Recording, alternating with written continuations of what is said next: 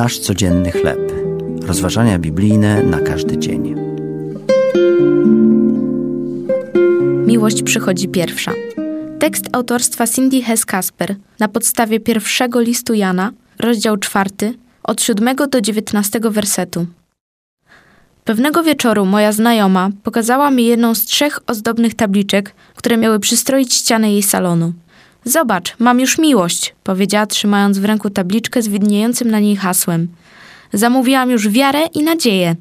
A więc miłość przychodzi pierwsza, pomyślałam. Wkrótce pojawi się wiara i nadzieja. Miłość rzeczywiście pojawiła się pierwsza. Przychodzi ona od Boga.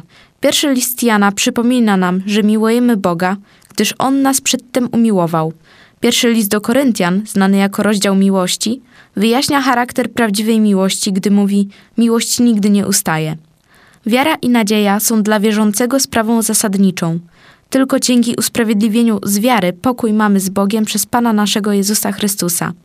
Nadzieja natomiast określona została w liście do Hebrajczyków jako kotwica duszy pewna i mocna.